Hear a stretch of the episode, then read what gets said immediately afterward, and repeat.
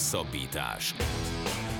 Az Eurosport hetente jelentkező podcastje Farkasvölgyi Gáborral és Rév Dániellel. Sziasztok, ez a Hosszabbítás Podcast 74. adása. Két fő témánk, két búcsúzóról szól. Az első részében a műsornak Dajka Balázsal, a 24.hu újságírójával beszéljük meg azt, hogy Érdemele Csuzsák Balázs egy 109. mérkőzést a válogatott színeiben, és hogy mi ennek az egésznek a politikai háttere, hogy Marco Rossi mennyire mond ellent korábbi önmagának és nyilatkozatainak ezzel a döntéssel, hogy Zsuzsák Görögország ellen búcsúzhat el a hazai közönségtől és a magyar válogatottól. Aztán Serena Williamsről beszélgetünk, Szabó Gáborral, az Eurosport kommentátorával, aki szerint Serena minden idők legnagyobb sportolónője, hogy egyáltalán más sportákból lehet-e valaki nőként annyira sikeres, mint Serena Williams teniszezőként, és hogy eh, miért nem biztos, hogy ő minden idők legjobb teniszezőnője, miközben az elég egyértelmű, hogy ő minden idők legnagyobb sportolónője. Ezeket a témákat beszéljük át Gáborral. Az Ácsi rovatban pedig ezúttal is jönnek a hét legérdekesebb hírei. Csodálatos héten van túl a magyar jégkorong, hiszen a női válogatottunk remekelt a VB-n a Fehérvár csapata pedig a bajnokok ligájában mutatkozott be tisztes helytállással. Beszélünk arról, hogy milyen őrült számokat produkált az idei átigazolási időszak a labdarúgásban, és szóba kerül Vas Blanka is, aki kihagyja a világbajnokságot. Jó szórakozást kívánunk az eheti podcasthez. Labdarúgás Labdarúgás tehát az első témánk, mégpedig Zsuzsák Balázs főszereplésével. Tajka Balázs, a 24.hu sportújságíróját köszöntjük. Szia Balázs, köszi, hogy elfogadtad a meghívásunkat. Sziasztok, köszönöm a meghívást, és üdv a hallgatóknak is. No hát az elmúlt héten került igazából megint vissza a köztudatba az, hogy Zsuzsák Balázs válogatott lehet. A történet ott kezdődött, hogy egy szurkolói ankéton Valázs azt mondta, hogy ígéretet kapott, konkrétan ezt hangzott el, ígéretet kapott arra, hogy 109. alkalommal is válogatott lehet. Ez nyilván futó tűzként terjedt a honi sportsajtóba, és aztán egy picit már tompítva úgy jött ki a legújabb hír Zsuzsák Balázsral kapcsolatban, hogy búcsú meccset kaphat a válogatottban.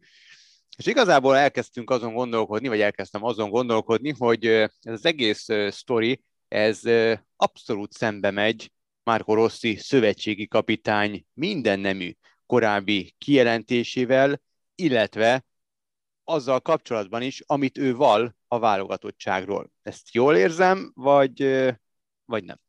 Hát jól mondtad a bevezetőben, hogy ez egy, ez egy megosztó sztori, mint ahogy maga Zsuzsák Balázs is egy megosztó személyisége a magyar focinak. Többfelől lehet szerintem megfogni a kérdés, ha azt kérdezett tőlem, hogy megérdemli a Zsuzsák Balázs, hogy legyen egy búcsú, csak azt mondom, hogy az alapján, hogy mondjuk ő 15 éve itt van a magyar fociban nagyjából napirenden, abszolút. Hogy így, így mennyire szerencsés ez a búcsú meccs, hogy évek óta, ha jól tudom, ugye a Velszelni 2 0 vereség óta nem volt ő válogatott. Sokszor egyébként bedobták már a nevét, hogy, hogy na, illetve Rosszit rendszeresen szembesítették ezzel, hogy beválogatja-e. Ő mindig elmondta az elveit, hogy MB2-ből nem válogat, ugye amikor a Debrecen MB2-es volt, azt is elmondta, hogy Zsuzsák a Debrecenben most már középső középpályást játszik, ott neki erre megvannak az emberei a válogatottba, szélen nyilvánvalóan Sarlai Roland hát miért cserélnél egy nála jól idősebb Zsuzsákra. Tehát azt mondom, hogy összességében megérdemelni, azért lehet ez most egy nagyon fura, vagy megérdemli, ezt ne vegyük el azért lehet ez most fura, mert ahogy te is mondtál, már Rossi nem fogja tudni lemosni magáról, hogy ez gyakorlatilag a nyakába lett akasztva. Nyilván tudjuk, hogy ugye ez azért is kaphatott ekkora vízhangot a Zsuzsák búcsú meccs, mert ezzel már egyedüli rekorder lett, aminek ugye megint van egy olyan vízhangja, hogy évekig nem volt a válogatottba búcsúztassuk el, ami egy teljesen jó dolog, emlékezhetünk Király Gábornak is volt egy búcsú meccse, ha jól emlékszem, talán a svédek ellen egy hasonló barátságos meccs. Ezzel nincs is semmi gond. Igazából én megmondom őszintén, Román Koroszt is sajnálom, mert miatt, hogy most megint magyarázkodnia kell, és lehet, hogy Zsuzsák Balást is olyan szempontból sajnálom, hogy hogy azt ugye tudjuk, hogy Zsuzsák Balázsnak országos szimbolája Szijjártó Péter külgazdaság és külügyminiszter, millió Facebook poszt volt, ahol teljes, nagyon jó volt el a hétvégén, és egyéb ilyen, ilyen nagyon baráti hangnemben mentek a dicséretek, posztolgatások, ami hát sokaknál kiverte a biztosítékot. meg ugye a diplomata útlevél, tehát hogy igazából már ez maga az a dzsuzsák jelenség, amivel szerintem én ha egy mondatban kéne összefoglalom, azt gondolom, hogy a magyar embereknek, vagy a magyar fociszurkolóknak a legkevésbé azzal van baj a Zsuzsák Balázsral kapcsolatban, amit ő a pályán csinál. De ugye van egy, egy akkora csomag vele kapcsolatban, ami, amit óhatatlanul mi sokan figyelembe vesznek.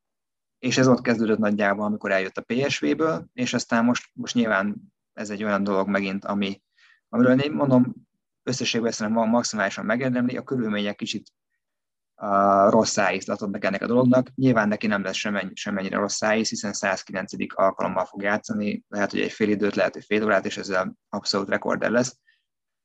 Most nyilván arról is lehetne vitatkozni, hogy voltak a magyar focinak olyan időszakai, amikor a Zsuzsáknál 3-4 klasszissal jobb játékosok még a 30 válogatottságot se érték el, de ezzel sincs gond összességében. Ő igazából Várhidi Péter 2007 óta folyamatosan minden kapitánynál játszott, tehát ha így kérdezzük, akkor megérdemli a körülmények kicsit olyan, olyan, olyan magyarosak, és hát most mondom, igazából neki is nem ciki, hogy magyarázkodnia kell, meg hát Rosszinak is, aki végül is semmi baj azzal, hogy el, elbúcsúztat egy játékost, aztán majd meglátjuk. Szerintem ez is le fog csengeni, most nyilván izgalmas téma, meg Zsuzsák mindig izgalmas téma lesz szerintem a magyar fociban, ameddig ő még játszik. Beszéljünk egy kicsit arról, hogy sportszakmailag van-e értelme ennek a dolognak, mert ez az, az, ez az a vonal, ami egyedül kihúzhatja ebből a csávából már Rosszit szerintem, amiről beszéltél, hogy itt igenis ez félig meddig azért politikai kérdés. Látva a szezon első hét fordulóját, a Debrecenből Zsuzsák nyújt olyan teljesítményt, ami mondjuk egy olyan jellegű barátságos válogatott meccsen, ahol teszem azt a légiósok nem nagyon játszanak, vagy, vagy csak egy-kettő légiós jön haza mondjuk erre a erre a görögök elleni barátságos meccsre, hogy egy ilyen meccsen ö, játszik-e annyira jól Zsuzsák, hogy egyébként, ha nem róla lenne szó, hanem egy Szabó Sándorról, akkor, akkor be lehetne tenni a válogatottba? Hát szerintem egyébként egy, most egyszerű még talán a tavalyi szezon számait nézni, ugye 31 meccsen neki volt 8 gól, 7 gólpassz, ami szerintem teljesen jól mutat. Más kérdés, hogy más az NBA-nek a tempója, most a Fradi meccseket vegyük ki, de hogy más teljesen, és nyilván ezért is tud egyébként ezen a nagyjából új szerepkörben megélni, szélsőként már lehet, hogy nem annyira dinamikus, meg lendületes, mint amilyen volt régen, de hát ez normális, hogy azért az ember 30 fölött ritkán szokott felgyorsulni, ott már inkább a, uh, ugye emlékezhetünk arra is, hogy mondjuk egy Mateuszt hogy tettek vissza a pályafutása során támadó középpályásból a végén már belső védőre, illetve akkor még inkább söprögetőnek.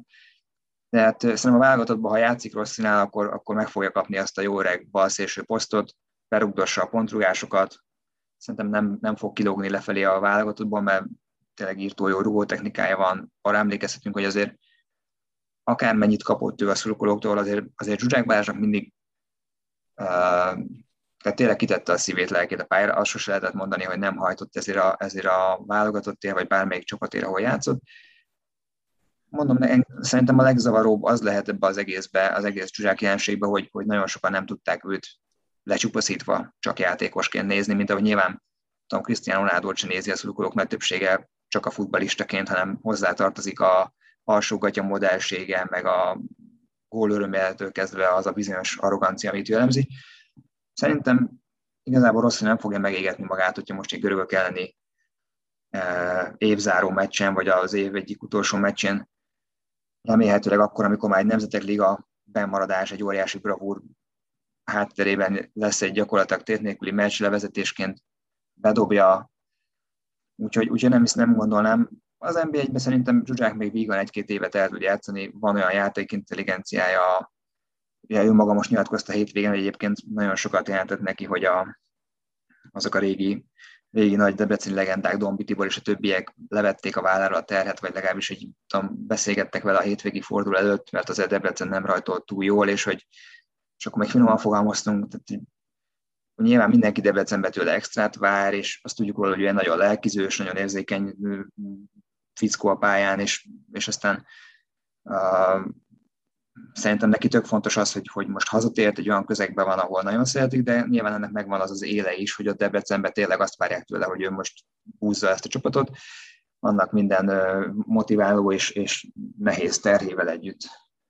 Több embert megkérdeztem, amikor kitaláltuk, hogy ez legyen a, a mai adásnak az egyik témája, és pro és kontra érkeztek érvek, ellenérvek. Volt olyan ismerős, mind-mind foci drukker. Nem azt mondom, hogy hozzáértő, de mind, mind foci drukker. Volt olyan ismerős, aki azt mondta, hogy Zsuzsáknak az utolsó 20 válogatott fellépése kamu volt, és igazából meg sem érdemelte, csak azért kellett, mert hogy nem volt kijelölje a szabadrúgásokat. Aztán amikor már Szoboszlai ott volt a fedélzeten, akkor nyilvánvaló nem kellett.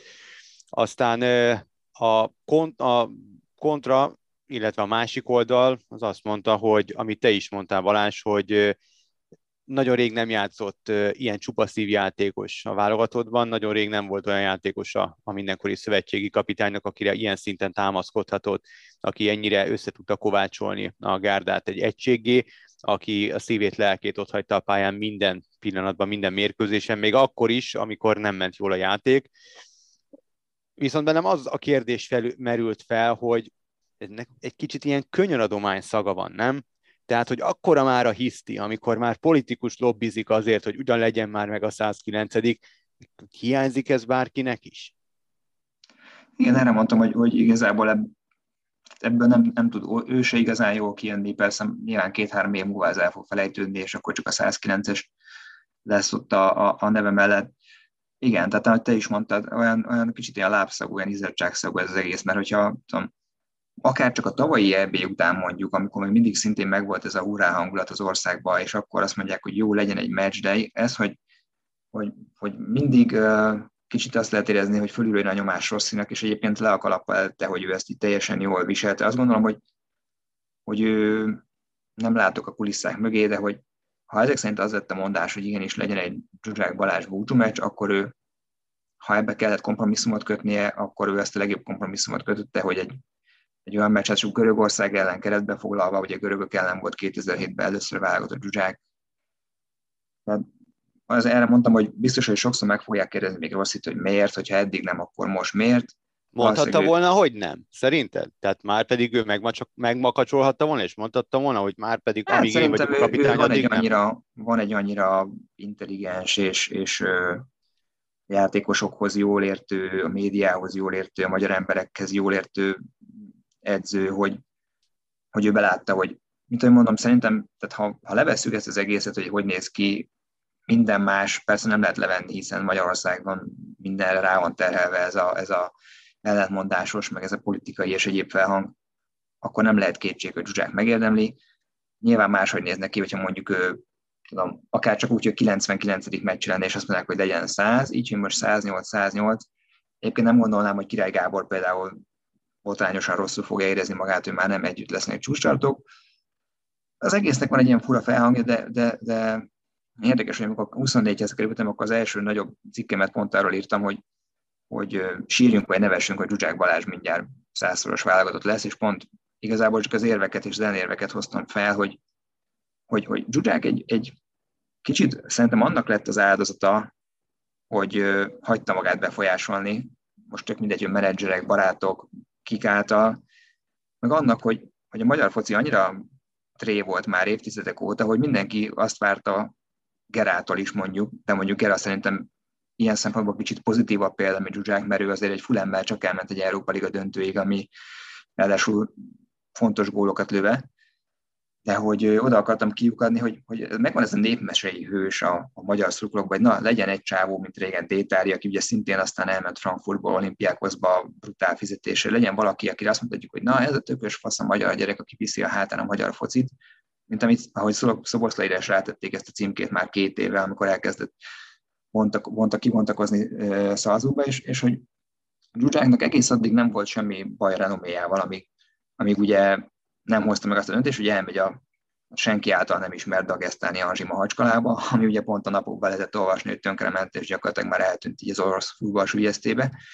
De ez is olyan dolog, hogy tehát ez is annyira magyaros, elmegy egy ember 20 évesen, választja a nagy pénzt, onnan még tovább tudtál a Dinamo Moszkvába, ráadásul magyar, magyar átigazási rekord, ha emlékszem, de onnantól kezdve már az embereknél az volt, hogy az egy milliárdos fizetés, jó, nyilván ez egy Zsuzsák is tett azért, hogy bekerüljön ebbe a celeb státuszba, a Lamborghini sztorival, meg az Imány Lindával, meg az akármivel, de azt gondolom, hogy nem kéne állandóan egy sportóban azt nézni, hogy turkáljunk a zsebébe, hogy él, milyen kocsi van.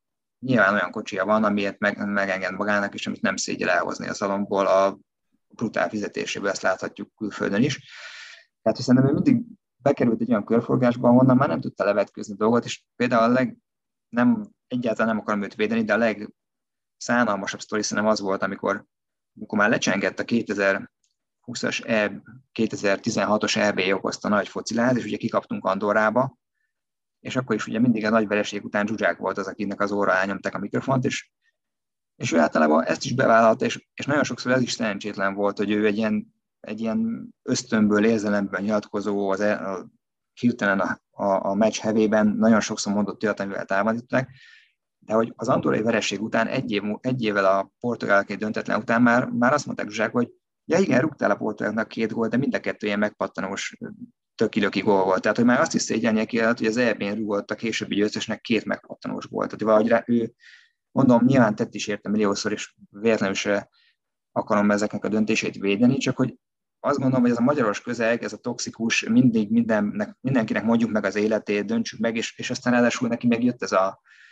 ez a barátság, ami, ami azt gondolom, hogy neki biztos egy tök jó dolog, de, de nem biztos, hogy ő szerette volna, hogy így legyen ez a meccs, hogy mindenki ezt magyarázza, hogy na most lehet, hogy letelefonáltak, akkor ügybe, hogy Rossi legyen már, legyen már ott a Csúcsi is egyszer még 109. alkalommal. Tehát, ciki ez a sztori ebben a, ebben a köntösben szerintem.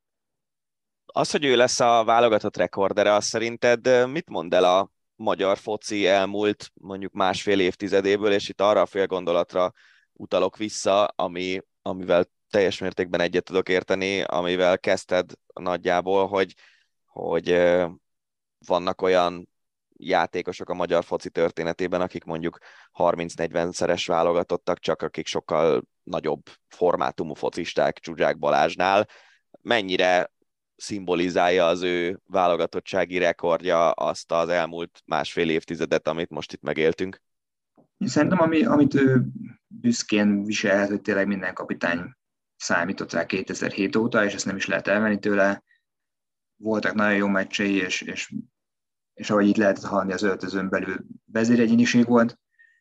Hát az tényleg egy magyaros sztori, hogy egy ennyire, ennyire megosztó játékos. Tehát szerintem ez, ez, a, ez úgy mindent elmond a magyar fociról, de ez nem feltétlenül a magyar fociról mondani, inkább szerintem, hanem magáról a közegről is, mert, mert azért nem tudom, lehet, hogy Zsuzsákot akkor fogjuk majd értékelni, hogyha nem tudom, 15 évig, 20 évig nincs hasonló játékos. Belátjuk azért Sallai, vagy mondjuk Sallói, vagy, vagy akár Szoboszlai, és vannak még hasonló nevek, gazdag Dani be tudják tölteni azt a szerepet nagyjából, amit ő, ő szerintem vezér volt a válogatottban, nagyon sok meccsen, nagyon sok meccsen gyenge volt és eltűnt, de, de szerintem neki nem kell amiatt magyarázkodni, hogy ennyiszer meghívták. A magyar foci nyilván azért is nehéz összehasonlítani, mert ugye most már annyi sorozat van, most látjuk, hogy ugye Gera, Juhász is ott van az élmezőnyben, akiket egyébként szintén nem, tehát ők is tök jó külföldi pályafutást hoztak össze, vagy Szalai Ádám is most már azt hiszem a top 10-be bekerült a, a meccseket, pedig hát emlékezünk vissza, hogy Szalai hányszor lekézték Zsuzsákhoz hasonlóan, sőt, talán még többször is a állandó visszatérő mantra, hogy haszontalan, meg állandóan a kapunak háttalálva, holott minden kapitány elsőként hívta be. Igazából nem, nem mondom, hogy, hogy ez akkora ö, címke lenne a magyar focia nézve, inkább, inkább tényleg erre, erre a közegre, hogy itthon biztos, hogy, hogy meg kéne találni azt a középutat, hogy van egy játékosunk, akkor, akkor nem kell nem kell vele elhitetni, hogy figyelj, mindig egybe az első papírt alá kell írni, amit az oldalát tolnak. Nyilván mondom, most kicsit ellent mondok magamnak, mert egy 20 éves játékos miért ne választhatná azt, hogy ő a PSV Eindhoven helyett elmegy az Anzsi Marcskába, úgy, hogy egyébként, ha jól emlékszem, 14 millió eurót adott érte a dagesztáni klub, és nyilván a PSV is azt mondta a Zsuzsáknak, hogy soha nem fogunk ennyit kapni, érted, menjen nyugodtan. Szerintem kell pár év, hogy így eltűnjön Zsuzsák Balázs aktívként a magyar fociból, hogy igazán értékelni tudjuk őt, pro és kontra, mert, mert még mindenkinek ott vannak ezek a, ezek a benyomások, egy-egy szerencsétlen nyilatkozat, a Lamborghini is ügy, amikor lerobbant a Láncidon, meg a, meg a egy-egy olyan meccs, amikor mondjuk el lehetett rajta verni a port, mert ugye Nyilván, ha te állsz oda csapatkapitányként nyilatkozni, akkor te állsz az első, akit majd köpködnek a szurkolók, és akiknek előveszik a mondatait, hogy na most. De ez is olyan, hogy például kimész Hollandiába egy olyan meccsre, ahol, ahol a selejtező sorozat második helyet tét ki, azt fogod mondani, hogy hát igen, kimegyünk Hollandiába, mert magyar válogatott vagyunk. aztán kapsz egy 8 egyet, akkor persze, hogy a fejedre olvassák, hogy ja, kisgyerek, miket nyilatkoztál ott meccs de tehát ez mindig olyan kétérű, hogy a magyar válogatottként benne van, hogy a hollandok ö, nagyon megszólnak minket, és akkor persze már minden hangzatos nyilatkozatot vissza lehet folytani el. Úgyhogy, úgyhogy nem tudom, igazából nem tudnék ö, mondani az, a kérdésedre visszatérve egy ilyen nagy címkét, annyi, hogy hogy kicsit az jellemző a magyar közegre, hogy egy, egy ennyire megosztó srác lesz a rekorder, de mondom az, hogy őt meg minden kapitány meghívja, az meg validálja az ő pályafutását végül is. Igazából... Számítva ezt a, ezt a fura lezárást, hogy így hívják meg, hogy ez évekig nem, és, és hogy kicsit mindenkinek benne van ez a volt a telefon a háttérben sejtetés igazából úgy vagyok ezzel az egésszel, nagyon sokat gondolkodtam róla, és teljesen véletlenül, mielőtt még kitaláltuk, hogy ezt, ezt jó lenne átbeszélni, ezt az egész történetet, az azt megelőző napokban valahogy a YouTube-on elkezdtem nézegetni a Zsuzsák videókat még a PSV-ben, és aki megkérdőjelezi igazából a, a, a tehetségét, vagy bármi más, az, az ugorjon fel oda és nézze végig ezeket a videókat, mert én állítom, hogy az utóbbi, hát, 20 évben, de ezzel lehet vitatkozni, és, és nem is nem hiszem, hogy, vagy nem, nem biztos, hogy igazam van, lehet, hogy valaki egyetértelem, az is lehet, hogy sokan ellenkeznek, de hogy az utóbbi 20-25 évben nem volt olyan játékosunk, aki úgy játszott, úgy tudott játszani, úgy mert játszani egy jegyzett bajnokság top csapatában, mint ott Zsuzsák a PSV-ben, én, én kimerek állni emellett a vélemény mellett. Egészen káprázatos, hogy milyen meccsei voltak, és hogy milyen megoldásai voltak, és hogy hogy játszott és összességében mit mondaná, hogy akkor ez most jól jön ki, vagy bénáljon ki, és hogy jár neki, vagy nem? nem, nem. Figyelj, a, én azt gondolom, hogy, hogy ha már, ha már az egyik műsorvezető véleményét kérdezi meg a, a vendég, és köszönöm, amúgy én szerintem ki jár neki, tehát hogy, hogy legyen ennyiszer válogatott, mert tett annyit ezért a, a nyomorúságos magyar válogatottért, és ha másért nem, akkor azért biztos, amit játszott a PSV-ben, mert mondom, az valami egészen kápra, az, az amögé bárki beállhat, amögé a teljesítmény mögé. Tehát és itt most a, a nagy sztárok, nemzetközileg jegyzett sztárokat ö, mondom, és nem, én, én aztán abszolút nem vagyok elfogult, ö, sem magyarkodó. Tehát jár, az egész, ahogy te mondtad, a csomag, meg ez az egész, ahogy be van ez csomagolva, az, az szörnyű. Az szörnyű, hogy, le, hogy, hogy, hogy igen, az, bennem is az van, hogy apám le, letelefonált a Szijjártó, Márkó rak be, mert be kell rakni. Tehát én így látom. És az a baj ezzel, hogy a, az egész helyzet ugye tényleg egy csomó olyan embert hoz kellemetlen helyzetbe, akik egyébként meg, én azt gondolom, hogy Zsuzsák Balázs is a saját ö, tehetségéhez, szorgalmához, stb. ez mérten mindent megtett a, a magyar labdarúgásért az elmúlt 15 évben, és szerintem aki, aki másképp gondolja, nem tudom, hogy milyen érvei vannak, de, de nem, nem tudom elképzelni, hogy egy ennyire ilyen csupa szívjátékos, amiről beszéltél is, netett volna meg mindent, és tényleg az egésznek van egy ilyen keserédes szájíze miatt, a politikai kapcsolat miatt, mert egyébként szerintem szinte mindenki azt mondaná, hogy, hogy Zsuzsák megérdemel egy búcsú meccset, azt hozzátéve, és nem nagyon lesz már időt Balázs reagálni, hogy szerintem az nem volt egy rossz helyzet, hogy Király Gáborral ők ketten megosztva vannak a válogatottsági örökranglista élén. De hogyha egy fél percben el tudod mondani a véleményed, akkor még ennyi időnk van. Igen, szerintem, szerintem az, egy, az egy abszolút, mégis ők, ők gyakorlatilag ketten egy, egy érát Pontosan. Vontak össze, ráadásul mind a két kettő olyan profi, aki az egyik a Bundesligában, a másik Hollandiában, tehát két magyar, magyar szemmel nagyon nagy ugrásnak számító bajnokságban voltak. Hát mondtam, amit a Gábor mondott, én is megnéztem múltkor, mert most volt nemrég a 13. évfordulója az Ajax meccsnek, amik ugye két gól, egy gólpassz, és hogy egy stadionnyi ember üvöltötte a Zsuzsák nevét, azért az elmúlt húsz évben nem sokra ilyen, nem sok ilyenre emlékszünk, egy komolyan vett bajnokságba, komoly rangadón, nem a Excelsiornak és a Sparta Rotterdamnak rugott gólokat, hanem az tényleg bődületes teljesítmény volt.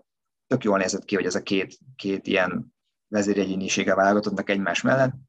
Mondom, szerintem a királyt megkérdezzük, ő biztos nem fogja föl, ismerve az ő bohém stílusát, azt mondani, hogy fúj, a csúcsák nem áll 190, meg csak 108. És végszónak azt tudom mondani, amit te mondtál, egy keserédes, és aki ezt így, így kicsit ilyen, ilyen bénán összehozta, azok meg majd, majd viseljék el a szurkolói reakciókat, és, és tényleg sajnálom, hogy, hogy így alakult, és főleg rossz így sajnálom, meg az, hogy Zsuzsákot, ha esetleg magyarázkodnia kell miatta. Tenisz. A műsor második felében egy másik legendáról, egy picivel nagyobb legendáról fogunk beszélgetni.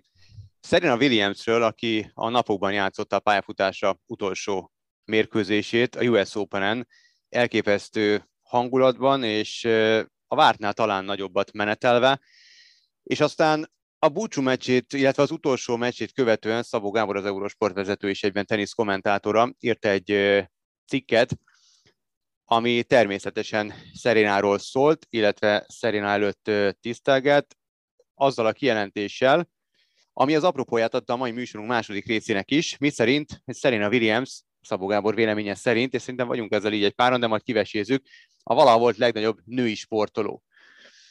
A vendégünk Szabó Gábor, köszönjük szépen, hogy elfogadtad a meghívásunkat. Sziasztok!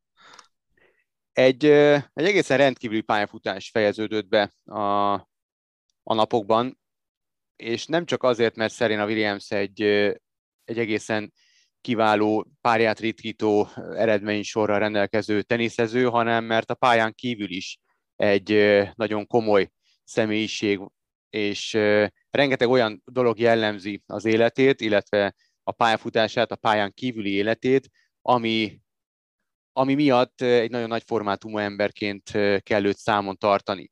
És amikor a valaha volt legnagyobb női sportolóként emlegeted, akkor a cikkedben azt is írtad, hogy nem feltétlenül csak a pályán történtek miatt kell valakit a, a gótságról, a legnagyobbságról emli, megemli, vagy azzal kapcsolatban megemlíteni.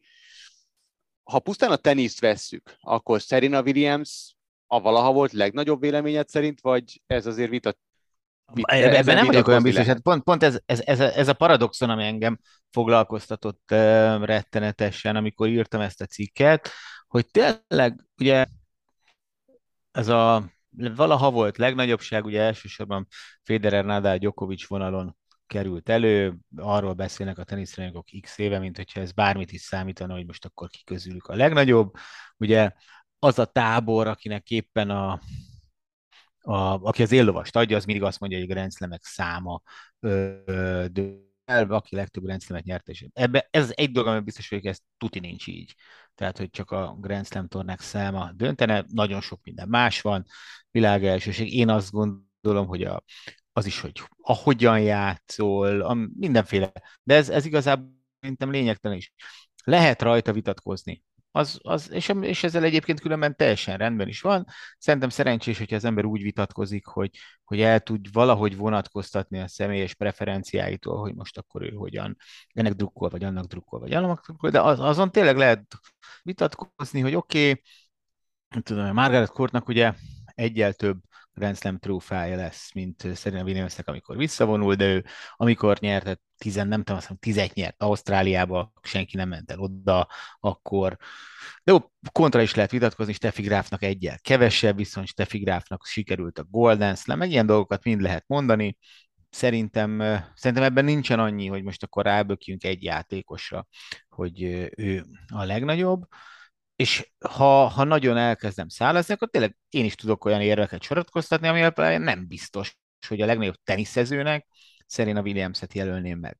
De a legnagyobb sportolónőnek viszont muszáj őt megjelölni, még akkor is, hogyha ez egy ilyen ellentmondás, mert egészen egyszerűen amit ő, amit egy, egy teniszezőségben nem biztos, hogy beleszámolsz, bár éppen, ha úgy adja az ízlésed, be is számolhatsz, hogy mit tett a sportágért, mit tett a, a női sportért, mit tett a feketék sportjáért, és a többi.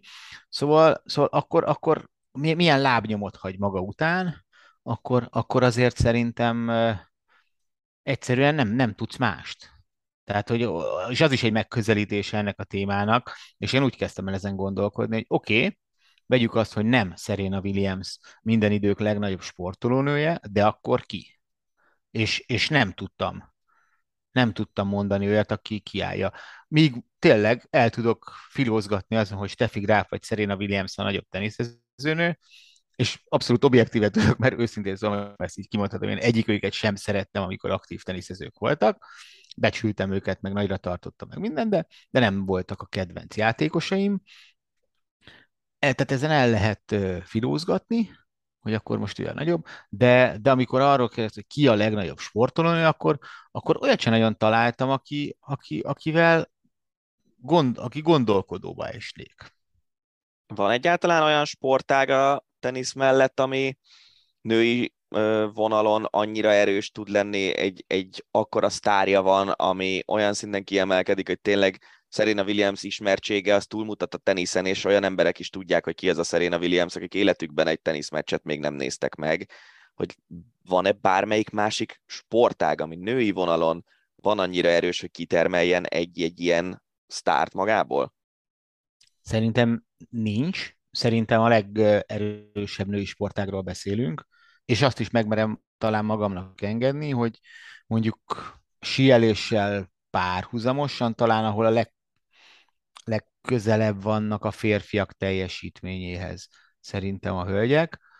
Azt nem tudom, hogy tudjátok ezt, akik jobban vagytok az amerikai sportban, tudok értékelni, hogy az utolsó meccsén a, az amerikai ö, egyetemi ö, az egyetemi foci közvetítést, tehát a college footballt, az e, száműzte az ESPN 2-re, ESPN 1-ről.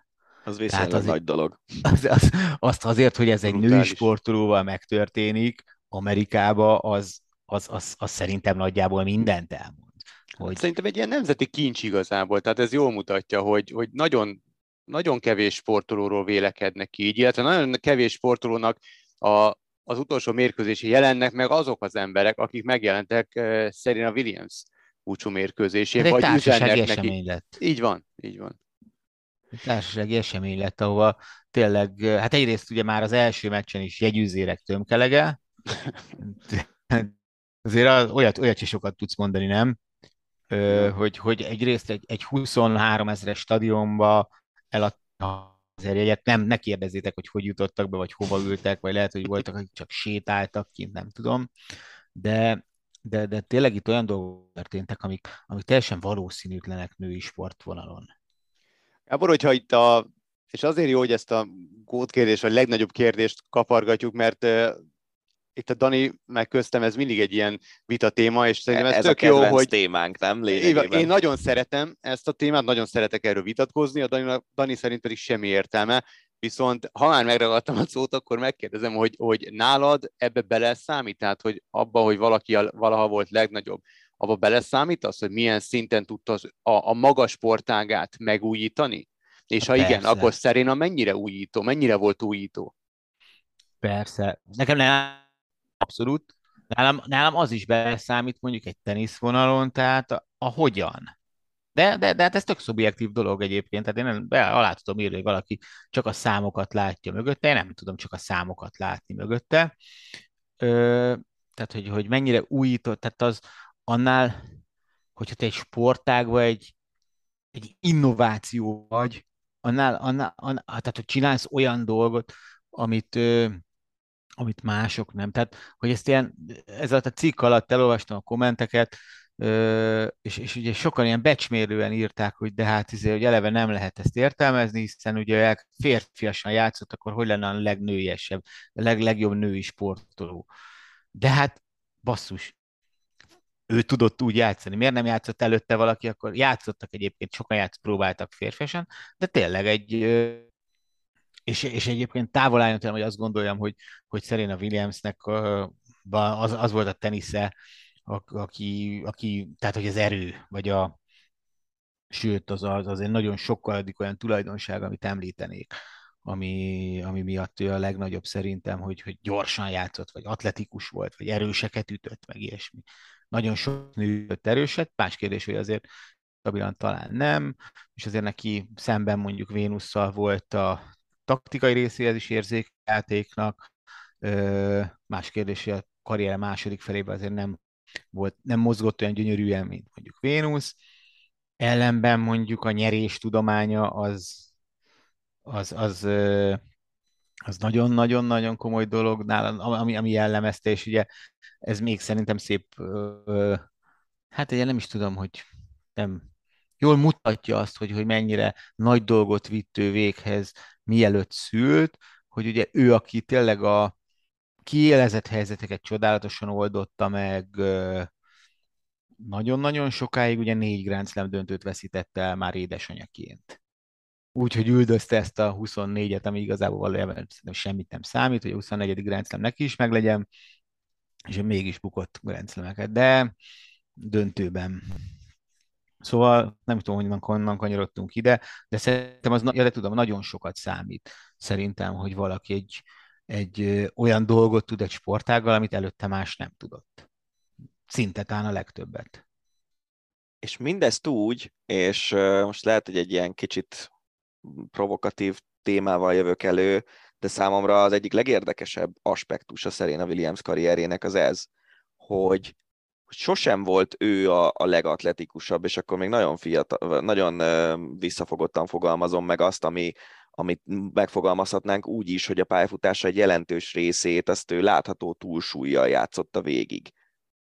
És ennek ellenére volt annyira sikeres, amennyire sikeres volt, és nagyon sokat gondolkoztam ezen, mióta lehet tudni, hogy Szeréna vissza fog vonulni, hogy az, hogy mondjuk ő nem feltétlenül töltött el annyi időt az edzőtermekben, mint a riválisai, az lehet, hogy őt kicsit felszabadította, tehát hogy milyen pozitív hatásai lehettek ennek a jelenségnek, miközben egyébként nyilván az, hogy te plusz kilókat cipelsz egy olyan sportágban, ahol futni kell a pályán, az meg nyilván hát, hátráltat téged abban, hogy kihoz magadból a maximumot. Erről neked mi a véleményed? Érdekes dolog nagyon nem tudom, hogy ez mennyire genetika és mennyire ö, edzéshiány. Ö, nagyon másként készült szerén a világ életében, mint a többiek.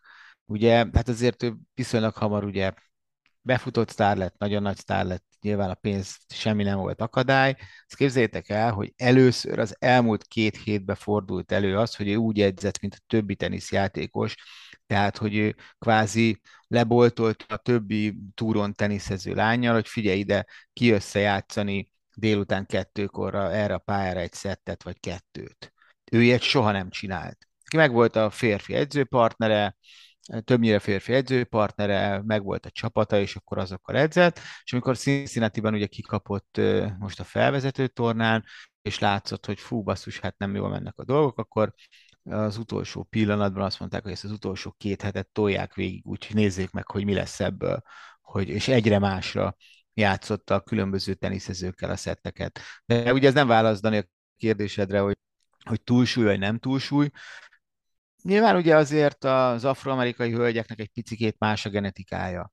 Tehát ezt a testfelépítést azért ezt, ezt látjuk szerintem néhány sportágban. Lehet biztosan le lehetett volna valahogy fogyasztani, meg azért, hogyha visszanézzük, ugye vannak ezek a fotómontások általában, amikor egyre más, egyre más mellé rakják a különböző trófeákat, amikor megnyerte, hogy az a 23 képet, és akkor ott végignézni, hogy hogyan nézett ki, amikor az elsőt nyerte, másodikat, harmadikat, és hogy tényleg, hogy hol szaladt el ennyire a súlya, mert a legelején egyébként azért ő is egy nagyon jó atléta volt, és, és igazából ugye azt tudom mondani, és szerintem még ezzel a súlyjal is eléggé gyors volt a végén. Most nem éreztem azt a Tomjanovics elleni mérkőzésen sem, hogy azért kap ki, mert, mert túlsúlyos. Azért valószínűleg tudta simában megnyerni a második játszmát. Hogyha azt az előnyét végigviszi, és, és nem egy szoros szett, hanem egy, egy fölényes szett, akkor, akkor meg lett volna talán a döntő játszma is. Hmm, nem tudom, nem tudom. Ezek, ez, igen, de én is el szoktam játszani, sőt, talán azt hiszem az utolsó Vénusz közvetítésem mondtam azt, hogy, hogy az, egy, az egy ilyen jópofa gondolat, hogyha a két lányt azt mixeltük volna. Tehát, hogy Vénusz mozgását odarakni szerén a fejéhez, és, és a, a, amennyivel több érzéke volt mondjuk a tenisz taktikai részéhez, hogy, hogy abból mi, mi jött volna ki. Mert lehet, hogy nem csak annyi, hogy összeadjuk a, a 23 meg a 7 Grand Slam-et, tehát nem csak 30, hanem lehet, hogy abból úgy kijött volna 40 is. Ha a pályán kívüli Szerinát nézzük, akkor, akkor ott is alkotott legalább akkorákat, és volt olyan teljesítménye, mint a, mint a pályán, ráadásul egy, egy olyan sportemberként, aki ugyanúgy, mint mondjuk Tiger Woods, és talán ezért is lehetett, ezért nem talán, hanem tudva, hogy ezért is volt ott Tiger Woods a, a páholyában Serena Williamsnek az utolsó mérkőzésén, mert amúgy is jó barátságot ápolnak, illetve mind a ketten egy olyan sportágban tudtak maradandót alkotni, sőt, mit maradandót, valahol eredményeket, amelyek leginkább fehérek uralta sportáként, amelyekről leginkább fehérek uralta sportágaként beszélnek. De ami szerintem még nagyon fontos Serena Williams esetében, hogy egy olyan korban tudott ő, ő csúcsra érni, a csúcson maradni és trófeákat halmozni, amikor amikor a nőktől egyfajta elvárás az, hogy a családi harmónia érdekében a, a karrierjüket szüneteltessék, uram, bocsá, abba hagyják, és ez neki szíve joga szerint dönti el, hogy ez jó vagy rossz. Mind a kettőt tudom pártolni, mert leborulok a anyukák előtt is, de a nagy sportemberek előtt ugyanúgy, viszont Szerina húzott egy vonalat, és döntött valami mellett, viszont rengeteg bírálatot kapott ezért. És ezek a bírálatok leperegtek róla. Tehát ő egy, egy olyan, olyan személyiség, aki ahogy a pályán, ugye a pályán kívül is ment a maga feje után, és ráadásul tudjuk, a, a, a, hogy egy, egy nagyon filantróp személyiség is, Szóval, ahogy amikor előbb azt kérdeztem, hogy a nagyságba beleszámít az, hogy mennyire tudja megújítani az önmaga sportágát, akkor feltételezem, hogy nálad ez is beleszámít ebbe a kódkérdésbe, ha, ha így hívjuk, hogy a pályán kívül milyen teljesítményt nyújt, és mondjuk társadalmilag fontos kérdésekben hogy nyilvánul meg, stb. stb. És itt most visszautalok megint csak az általad említett Facebook hozzászólásokhoz, hogy azért, hogyha az ember ott beleolvasgatott a cikk alatt, ott azért jöttek nevek az olvasóktól, akik szerintük legalább akkora sportemberek, viszont hogyha azokat a neveket el, látja egy sporthoz értő ember, vagy egy sportban jártas ember, akkor látja azt is, hogy valóban óriási formátumú sportemberek voltak, de a sport karrieren kívül nem nyilvánultak meg ilyen szinten. Igen, két, kettő, két részre kell szerintem ezt a kérdést választani, és ugye említette Tágert, az egy nagyon érdekes felvetés, ez egy mellékszál, és nem is válasz a kérdésre, csak elgondolkodtató, hogy ők ugye nagyjából egy időben lettek egy alapvetően fehérek által uralt a sportákban feketeként a leg, egyértelmű legjobbak, és euh, mégis úgyhogy ugye a Tiger előtt gyakorlatilag senki nem volt fekete, Serena előtt sem nagyon sokan, de ott azért voltak, és hogy ha te jobban ismered nálam sokkal a pillanatnyi golfélmezőnyt, de hogy, hogy Tiger hatása abban hogy az afroamerikaiak nagyon villantanának, nagyon sokan villantanának a PGA túron, míg Serena Williams hatása egyértelműen érződik abban, hogy tele van afroamerikai női teniszezővel, meg férfi teniszezővel most már a mezőn sokkal több, mint volt. De ez egy mellékszál, meg nem is ugye ezt, nem, nem ezt kérdezted, ez tényleg csak egy ilyen érdekesség, hogy is el lehet gondolkodni, hogy vajon ez miért van, miért alakult így. Serena esetében ugye a pályán kívüli dolog, és ez, ez, ez, ez abszolút ízlés dolga, mert én azt abszolút meg tudom érteni, hogy sokaknak a pályán hát belül kívül ilyen határeset a viselkedése volt az, amire azt mondják, hogy nekik ez nem fér bele. Ugye neki azért volt két nagyon durva egy US Open elődöntő, meg döntő, az egyik ugye egy Kleisters elleni meccslabda 2009-nél, amikor oda a vonalbírónak, hogy volna torkodod azt a rohadt labdát, vagy valami ilyesmit, és ugye gyakorlatilag, mivel ez meccslabdára történt, ezzel le is léptették, és az Osaka elleni finálé, és egyiknél sem volt igaza. Persze lehet ilyen eltartott kisúlyjal mondani, hogy jó, hát ez így nem viselkedik minden idők legnagyobbja, de, de, de én meg azt gondolom, hogy, hogy vannak emberek, akiknél ez, ez nem lehet, nincsenek tökéletes emberek. És azt, hogy ő, ő mindenét kitegye a pályára, és akkor ugyanakkor egy ilyen Roger Federer is azért volt, hogy odavert ütőt, tudjuk róla, hogy a junior korában ő is milyen nehézen viselt a tenisszel járó feszültséget, meg hasonlók. És azért tényleg a, a, a pályán kívüli dolgok, most nem mennék el arra, hogy, hogy mennyire filantróp, nem filantróp, ilyesmi, a lábnyom.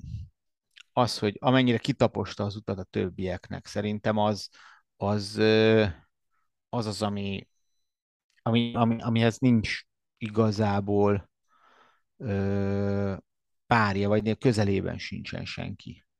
A hatás egy sportágra, vagy a, a feketék sportjára, a nők sportjára. Tehát, és ez, ez, ez, ez, ezek a dolgok nálam el viselni azt, hogy egy igen, volt, amikor nem viselkedett sportszerűen a pályán. Nagyon jót mosolyogtam, amikor leírták, hogy végtelenül elfogult cikket írtam, és hogy izé így, meg úgy, meg amúgy. Amikor ugye az Osaka eset után aztán talán három cikket írtam, hogy próbáltam elmagyarázni, és szerint a Williams miért viselkedett rosszul, és miért nem lehet úgy viselkedni. De ez belefér. Ilyen, ekkora pályafutásba nem lehetnek csak és kizárólag csúcspontok, és, és nem lehet makulátlan. És még egy gondolatkísérlet itt a végére.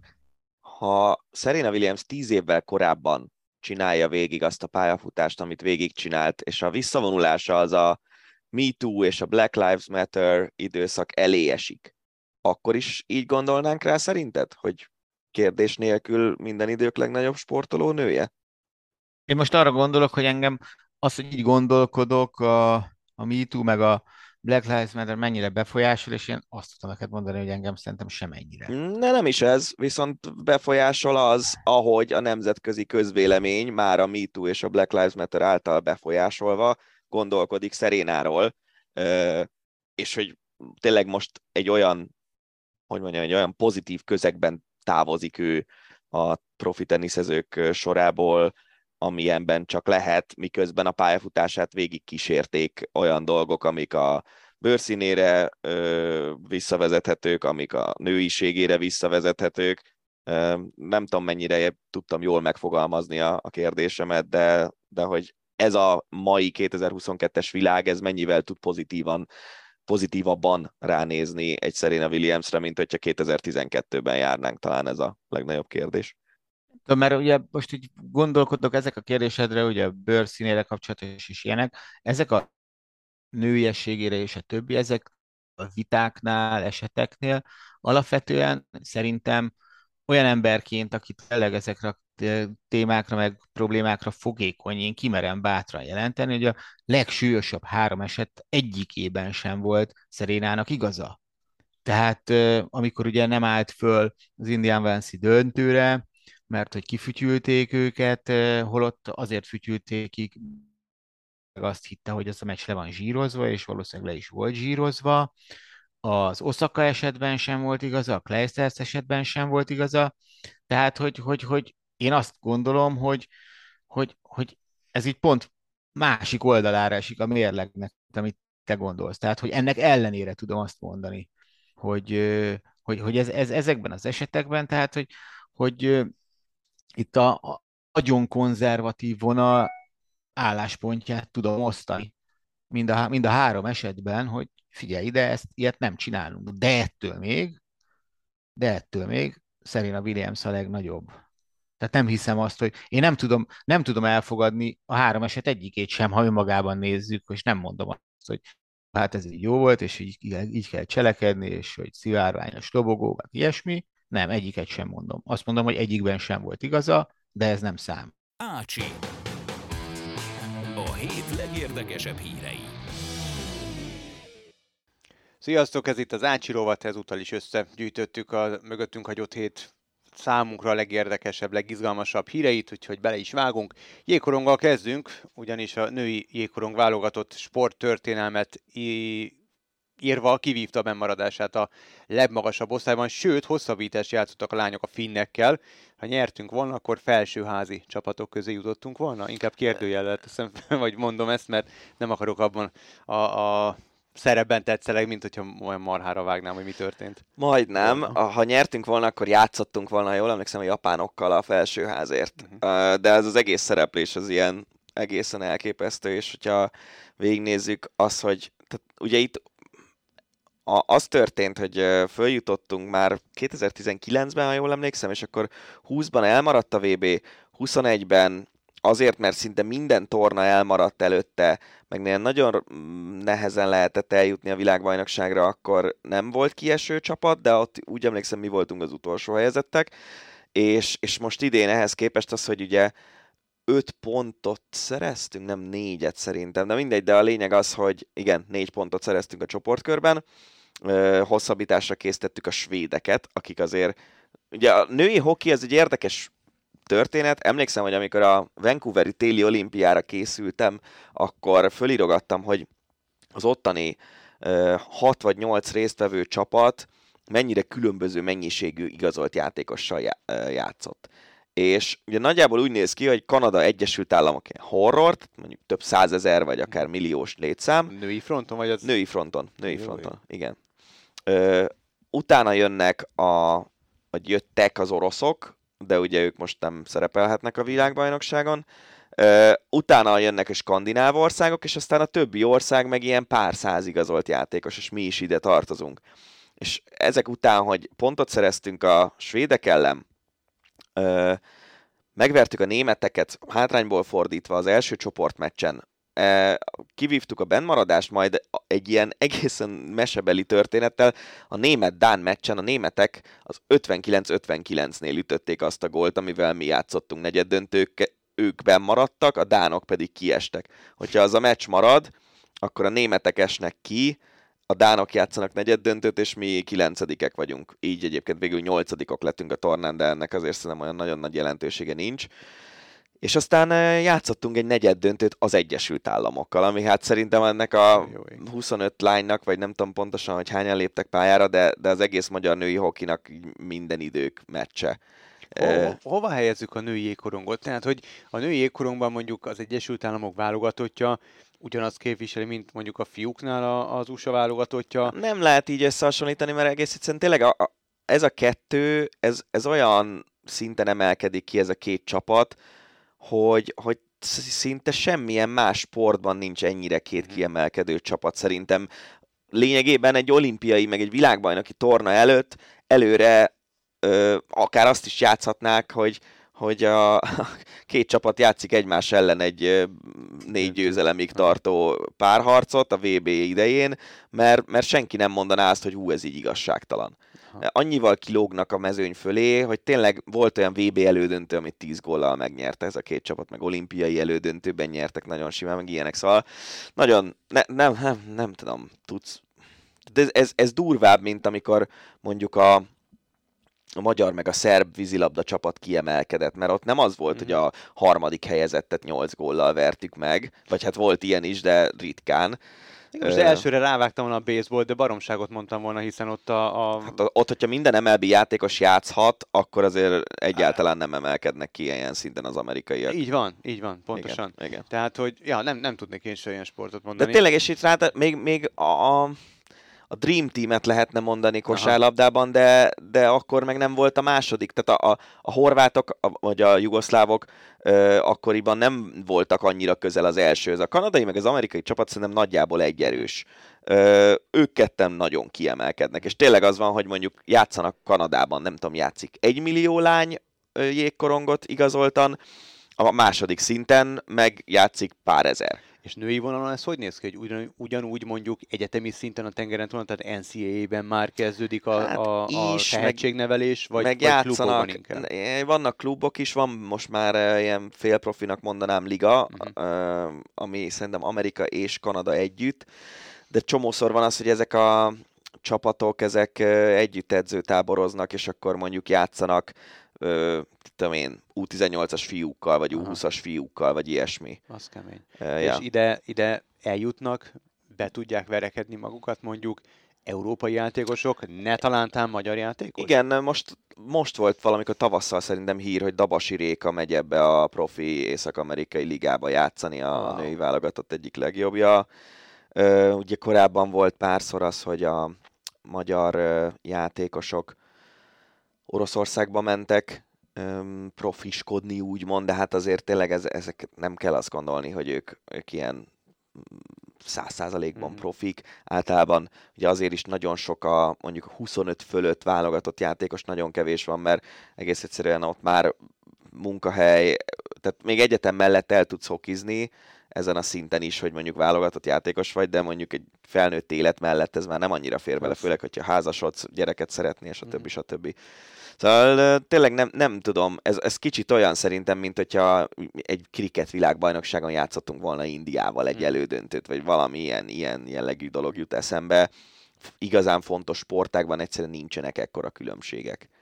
és és játszottunk az amerikaiakkal egy elődönt, egy negyed döntőt, bocsánat, ahol kikaptunk 12-1-re, de úgy, hogy a három harmadból kettő az szoros volt. Az első 1-0 volt, a harmadik az 2-1 volt, közben volt egy 9-0-ás oh. harmad, de, de ezzel együtt az, hogy gólt ütöttünk, ráadásul Huszák Alexandra ütötte a gólt, aki nagyon régóta ott van a válogatottban, az is tök jó volt, és aztán játszottunk a finnekkel egy olyan meccset az 5-8 helyosztóknál, aminek a győztese a felsőházi, jövő évi felsőházi tagságért játszott, és a finnektől hosszabbításban kaptunk ki, és ha jól emlékszem, de mindjárt még a következő kérdés jön, addig rá, ránézek, a finnek kikaptak végül ezért az ötödik helyért zajló meccsen, de ők is talán csak hosszabbításban. Úgyhogy szerintem ez egy nagyon-nagyon szuper szereplés volt a magyar lányoktól, és remélem, hogy nem itt ér véget ez a szép történet, mert ezzel a teljesítménnyel, hogyha jövőre is így játszunk, akkor az olimpiai selejtező tornán... Azt kérdezni, hogy mennyire van tőlünk az olimpia? Hát nincs nagyon messze. Nincs nagyon messze. Tehát ugye Majd most nem is... időbe kérdezem, nem, nem, nem. hogy... Ugye 26-ban lesz legközelebb téli olimpia, előtte lesz selejtező sorozat, ami szerintem a, ha minden igaz, akkor a 22-es, 23-as VB-n lehet pontokat gyűjtögetni, ha jól emlékszem de lehet, hogy 23-24-es VB, és akkor a selejtező sorozatban ugye a, most is egy győzelemre voltunk az olimpiai kiutástól, de a csehek azok nagyon megvertek minket, a csehek egy, amúgy most harmadikok lettek, ami nagy meglepetés volt, mm. alsó, ö, alsó csoportból indulva. Szóval ö, nincs messze, egyáltalán nincs messze. Hogyha továbbra is az oroszok ki lesznek zárva, és, és tudunk még egy picit fejlődni, akkor egyáltalán nem irreális ez. Melyik csapat van közelebb az olimpiához, a fiú vagy a lány? Hát, ez, ez megjósolhatatlan? A fiúknál is igazából, tudod, az van, hogy, hogy most játszottunk Rigában egy meccset a lettekkel, ami döntött, vagy dönthetett volna az olimpiai kiutásról. Ott volt egy nagyon rossz harmadunk, ahol folyamatosan kaptuk a gólokat lehet, hogy 10-ből egy meccsen megverjük a letteket Aha. mondjuk, vagy, vagy 15-ből egy meccsen, nem tudom. De hát, ja, ez, ez egy ilyen dolog, a hoki az mindig ilyen, hogy, hogy azért a nagy tudásbeli különbség is ki tud egyenlítődni mm. egy meccsen, és egyébként igen, a japánok végül büntetőkkel verték meg a finneket az ötödik helyen, úgyhogy Japán, Svájc, Csehország lesz jövőre a felsőház, a skandinávok kihullottak innen, mind a két hm. nagy skandináv csapat. Meglepetés. Igen. Maradunk a hokinál, mert hogy sporttörténelmet, sporttörténelmet írt egy másik jégkorong csapat is, nem válogatott szinten, hanem a Fehérvárról van szó, amelynek köszönhetően ugye a Hoki BL magyar csoport, ö, csapattal startolt. Ez is sporttörténelmi dolog, abszolút. Ja, Zürich elleni hazai meccsen ott eléggé kitömték a Fehérvárt, meg ráadásul nagyon hamar lőtték az első gólt, utána viszont a címvédő Rögle ellen játszott megint egy egész szoros meccset a Fehérvár, még vezetett is, harmadik, harmad elején, aztán azt hiszem kettő egy lett a vége a svédeknek. Úgyhogy tök jó, és, és tényleg az, hogy itt egy napon játszott a női válogatott VB negyed döntőt és a Fehérvár BL meccset, azért az, az megdobogtatta az én szívemet is, meg gondolom, hogy a többi hoki szurkoló szívét is. Olyan érdekes, hogy imádok korcsolyázni, és amikor régen, amikor kajakoztunk, akkor a kajak olyan érdekes, hogy ezt még a sér, ami kitalálta ki, hogy a mesteredző, aki, aki már sajnos nem él, hogy vagy nem ő találta ki, de ő, ő erőltette igazából. Szóval, hogy téli felkészülés gyanánt a kajakosok állandóan korcsolyáznak, illetve jégkorongoztak, és a Balaton, amikor befagyott, mi mindig szép lakon edzőtáboroztunk, mindig mentünk hokizni a le szép lakra, és akkor a Balatonon hokiztunk, meg nyilván futottunk is, mint a rohadás annyit.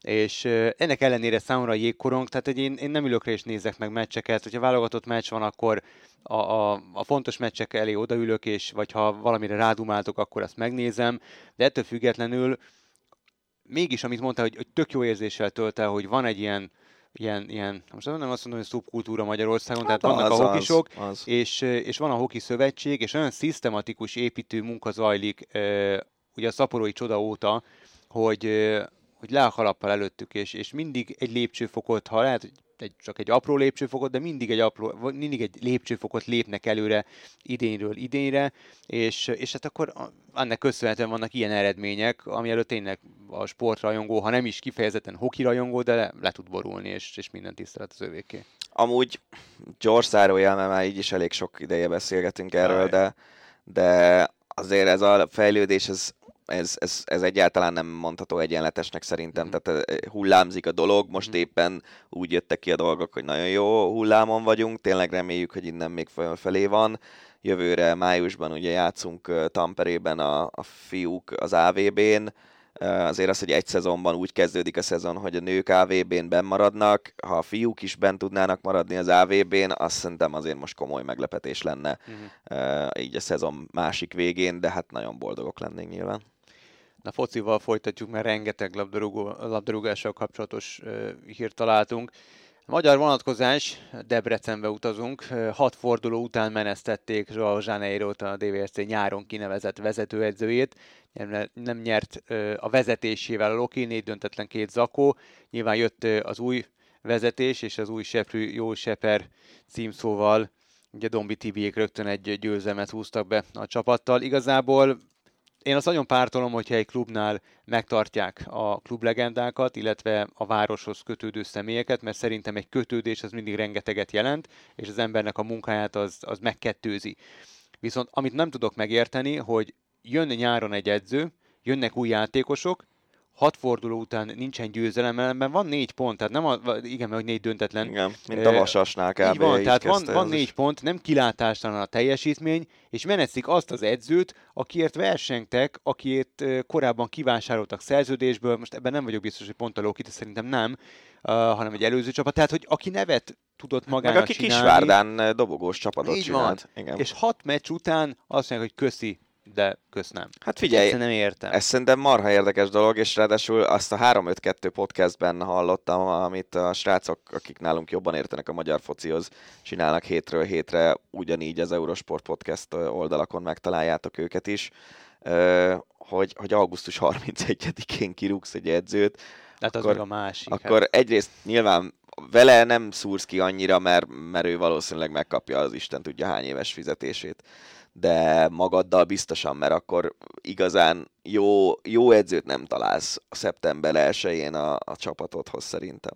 Én ilyenkor mindig azt gondolom, hogy valami van a háttérben, de nyilván nem akarom ráragasztani senkire az én pessimizmusomat, vagy üldözési mániámat, de, de ezért ez legalábbis furcsa.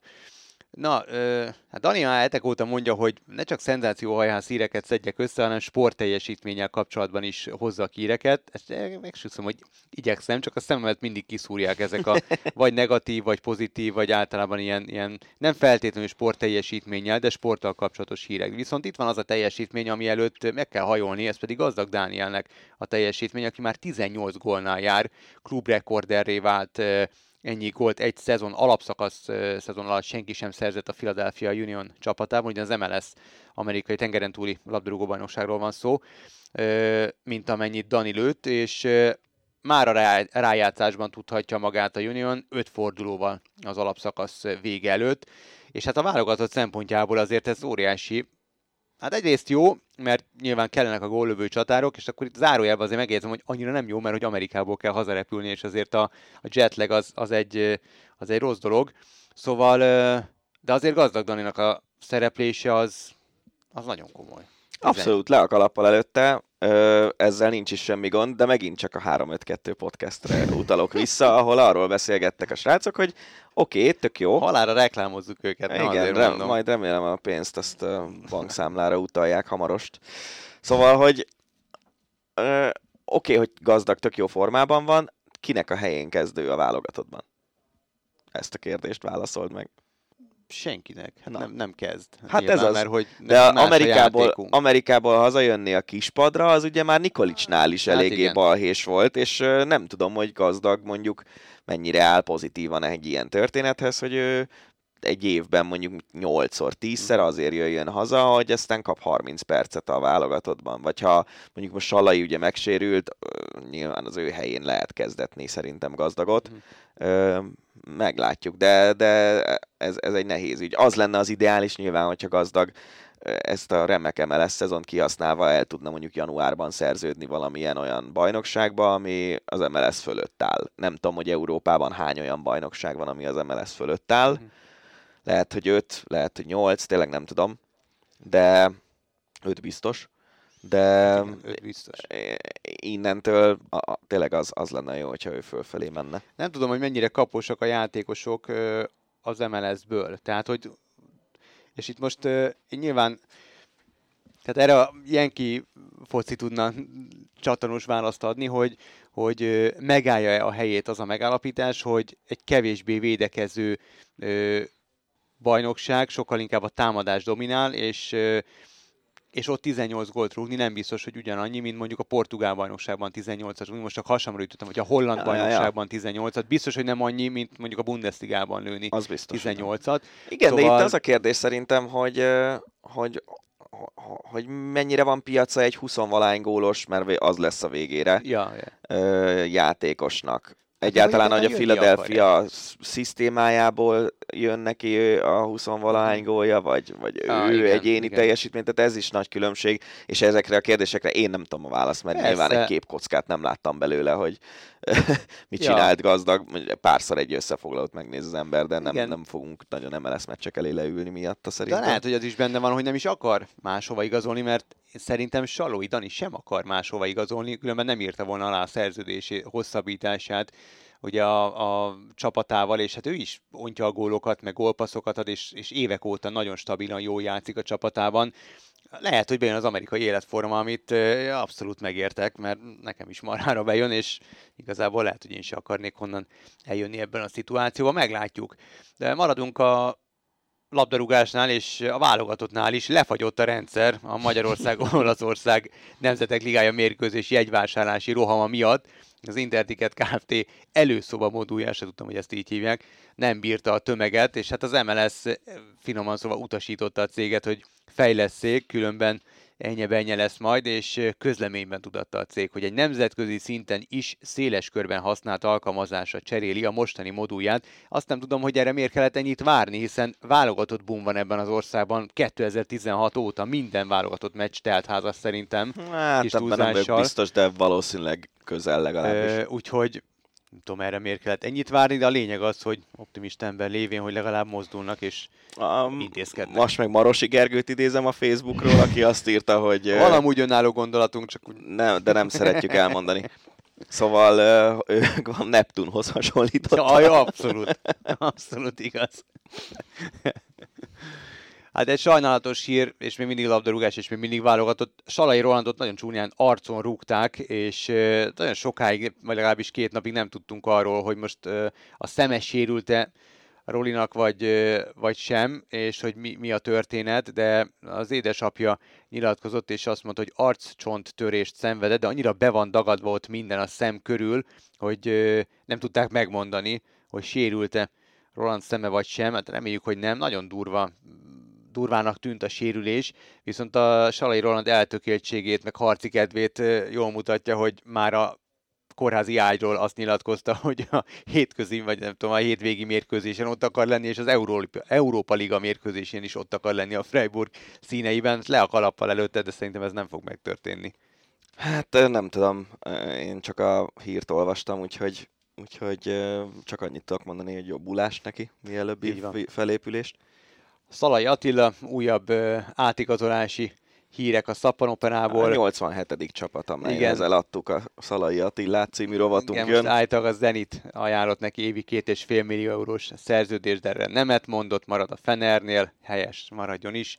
Amúgy... ha már onnan eljön, akkor, egy, akkor inkább nyugatabbra jöjjön neki. Hát ilyen, de szerintem most orosz csapatok egyáltalán miért Há. akarnak játékosokat igazolni külföldről? Tehát, nem is értem. Amíg nem mennek ki a, a nemzetközi porondra, és azért most nem úgy tűnik, mint nem. hogyha mondjuk a 23-24-es szezonban már jöhetnének, addig, addig nem, is, nem is tudom, hogy van-e olyan focista, aki elmegy Oroszországba játszani. Az most egy üzét, egy tökéletes karriertemető, és hogyha Zsuzsák kapcsán előkerült az, hogy az ő karrierjének a lefelé áldozását azt onnan számítjuk, hogy ma hacskala, akkor mit gondolnánk egy nemzetközi kupában nem játszó ö, Szalai van. Attila esetén? Így van. Mondjuk Kuszti Szabi azért ott, ott elég jól pengetett a zenét. Jó, de akkor, jött, de akkor nyilván nem voltak más szankciók volt. az orosz csapatokkal szemben, így van.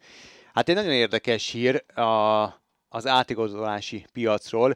Nem születtek átigazolási csúcsok, és nem ez volt ugye az a nyár, amikor rekordok dönt, rekordokat döntöttek meg a, a csapatok az átigazolási piacon, de azért a futballbiznisz az dübörgött, és csak nem 7 milliárd eurót fizettek ki a klubok a nyári játékos piacon. Nyilván a Premier League a rekorder, 20 klub 50 millió euróval, csak 50 millió euróval költött kevesebbet, mint Európa másik négy top bajnokságának teljes mezőnye. Igen, ez durva, ez hogy nagyon kemény. Ekkora pénzügyi fölényben van a Premier League a többi nagy bajnoksághoz képest. Ez nagyon kemény. Valamivel két milliárd font fölött költöttek, a Serie A 750 millió, a francia bajnokság 560. 560, ja igen, 560, a La Liga az valamivel több mint 500, a Bundás az 480, és ezt követően egy óriási szakadék jön Hollandia és Portugália 170 vége és 170 eleje. Igen, millióban. és ugye a hollandoktól is igazolt a Premier League 100 milliós, vagy majdnem 100 milliós játékost, és a portugáloktól is igazolt a Premier League, tehát Igen. ők ilyen brutál pluszban lehetnek alig, hanem. Hát nagyon, abszolút ez a tökéletes tökéletesen szolgálják ki a piacot Hollandiában, illetve a, a portugál bajnokság csapatai. Hát a Chelsea az közel 280 milliót költött, ezzel az élen áll, de nem tudom, hogy a Manchester United azzal, hogy Antonit megszerezte, azzal átvette a vezetés. Minden esetre az a második. A Premier League klubok közül Liverpool nincs az első hét között, a legdrágább játékos pedig Anthony lett, aki az Ajaxból ment a Manchester Unitedbe 95 millióért horror, és akkor igazából a legjobb a, a hírnek ne, nem ezzel, az, ezzel a hírrel együtt jött ki, hanem vagy korábban, vagy később, én már nem tudom. A lényeg az, hogy 8 klubot megbüntetett az UEFA, miután megszekték a pénzügyi fair play szabályait. Milán, Inter, Juve, Róma, PSG, Monaco, Marseille, Besiktas, és ugye ők 172 millió eurós hozzájárulást kell befizetniük papíron, de most csak 26 milliót, a PSG-nek a legtöbbet 10 amúgy 65 millió lenne a, a büntetés, de itt össze-vissza a, alkudoznak. Számomra borzasztóan meglepő, hogy hol van a Barcelona, és hol van a Manchester City mert ami pénzt elköltöttek, hogy azt ők hogy fogják a fair szabály szerint Itt van a beadni. hír második felében. Kivételes ja, Covid korlátozások igen. és a történelmi mm-hmm. pénzügyi eredmények figyelembevétele miatt. Ők kimaradtak a büntiből. Történelmi kóklerség, amit ott műveltek. Láttad a hétvégén a Barca, amit focizott? Nem láttam. Hát, mert nem ro- rossz csatornát nézel. Biztos a Bayern 1-1-es skin szenvedését, vagy 0-0 lett a Unión Berlin? 1-1. Azt nézted, mi? Nem, azt sem néztem, nem tudom már mit néztem. Barca olyan focit játszik, mint uh, 2009 tájékán. Tényleg? Hát majdnem. Tettes? Aha, és Hoppa. nagyon vicces ez a Gavi nevű srác, ki, hogyha fölidegesítik, akkor ilyen, hát, szerintem kisebb nálam, és én nem vagyok egy nagy ember, de úgy megy oda a kétszer akkora emberekhez test-test elleni játékban, hogy csak úgy élmény nézni. Na, kíváncsi leszek egy Bayern Barcelona. Nézzük együtt. Jó. Az vicces. A legutóbbi az jó móka volt. Volt a, azt meséltem, nem? Szerintem még az Ácsiban is meséltem, hogy egy az a 2020 nyári BL 8-as, vagy milyen döntő volt, és úgy néztem azt a 8-2-es Bayern Barszát, hogy a, a háztömbünk túloldalán valakinek előbb jött a, a képe, Isten, mint nekem egy Bayern szurkolónak, és mindig hallottam, hogy kimegy a teraszra, ordít, hogy ez az, ez az, én meg na jó, akkor még egy gól, még egy gól, még egy, és a hatodiknál már így nem tudtam eldönteni, hogy most akkor csukjam be az ajtót, és dögöljek meg a melegben, hogy menjek ki a következő gólnál, és szóljak, hogy légy nem át, tehát, hogy már megaláztatok minket, akkor hadd ne hallgassam már tovább, vagy valami, de szörnyű volt. Ez jó. A számomra nagyon furcsa, hogy a, ó, mindig utáltam, amikor közvetítettünk még focit itt az Eurosporton, Obama Young nevét, mert elsőre mindig rohadt nehezen tudtam kimondani, és mindig rohadtul reszkedtem tőle. Na, a lényeg az, hogy Obama Young ugye Barszát elhagyta, és egykori Arsenal játékosként a Chelsea-be igazolt. Most jött ki a Netflixen a Luis Figo dokumentumfilm, azt majd meg akarom nézni, hogyha vége a Vueltának, mert érdekel, ja, hogy mit mond a szemét áruló. Arra én is kíváncsi vagyok. De egyébként ezeknél a... Hát... Most lehet, hogy ez megbántja Obama Youngot, de hogy azért ez kicsit már... De nem, nem az van, hogy végigjátszotta a karrierjét, és a és az Arzenálban élte végig az életét, és onnan átmegy az ellenséghez, hanem ő azért volt Dortmundban, előtte nem tudom, ja, hol közben ja. Barcelona fél év, stb. stb. Tehát, hogy azért itt nem arról van szó, hogy ő, ő valamilyen Na, nagyon klubhű arzenálistaként kerül a Chelseahez. Na, De a 9-es mez az viszont érdekes, Azt, erre kíváncsi leszek. Pontosan, mert ugye ez az a mez, amelyen átokül legalábbis Chelsea játékosok szerint. De szerintem Shevchenko nem 9-esben volt, nem? Nem abban volt. Szerintem nem. Torres volt, Lukaku volt, ah, és nem tudom még, hogy kik voltak közben, de de igen, tehát ugye jött a hír, ez, ez is pár hetes dolog, hogy a Chelsea-nél senki nem meri a 9-es hetes volt, fölvenni. Se hetes volt. Mert már annyian megégették magukat. Keres rá arra, hogy a 9-es mez, az nálunk ja. is megjelent ez a hír. Minden esetre hmm, látva azt, hogy a Barszában milyen jó volt Aubameyang. például. Aha. Látva azt, hogy a Barszában milyen jó volt Aubameyang, most, hogyha a Chelsea-ben nem lesz jó a 9-es mezben, akkor lehet, hogy itt tényleg átokül ezen. Na ja. Tony Cascarino, azt, amilyen játékos volt te jó ég. Kezsman, emlékszel rá? Holland bajnokságban fosta a gólokat. Aha, de ilyen nézni 30-asával, 40-es éve, és soha nem tud igazából Igen. beváltani a hozzábűzött reményeket. Crespo, ő is 9-esben játszott. Cristiano Ronaldo Állítólag eldőlt Cristiano Ronaldo sorsa, csak hogy nincs Ácsi Ronaldo nélkül, mondtam már. Szóval állítólag marad, és nem megy Lisszabonba, amit te nagyon szerettél volna, tényleg jó sztori lett volna, de nem. Előbb-utóbb majd ott köt ki szerintem. Van egy nagyon érdekes hír, ezt a Telexen láttam, és Holland zseniálitásáról írnak, összehasonlításként, hogy hát az, túl azon, hogy 20 évesen kétszer annyi gólt lőtt, mint Messi ugyanolyan idősen, vagy lehet, hogy nyilván rossz összehasonlítás, vagy az, hogy öt forduló után már kilenc gólnál tart a Premier League-ben, és még nem sikerült senkinek az angol élvonalban ilyen gyorsan, ilyen rövid idő alatt ennyi gólt szereznie, hogy megint Mester hármas lőtt. A, azt méltatja a cikk, és Ír Zsordi, nem tudom, nem tudom, hogy jól ejtem a nevét, Twitter bejegyzésére hivatkozik, hogy mérhetetlenül okos, ugye sportolói családból származik, és elképesztő játék intelligenciával rendelkezik, és ezt nagyon ritkán szokták vele kapcsolatban kiemelni, vagy legalábbis nem annyira sokszor, mint amennyiszer mondjuk a termetét, vagy a gólérzékenységét, vagy éppen a Instagram vagy Twitter fiókját emlegetik.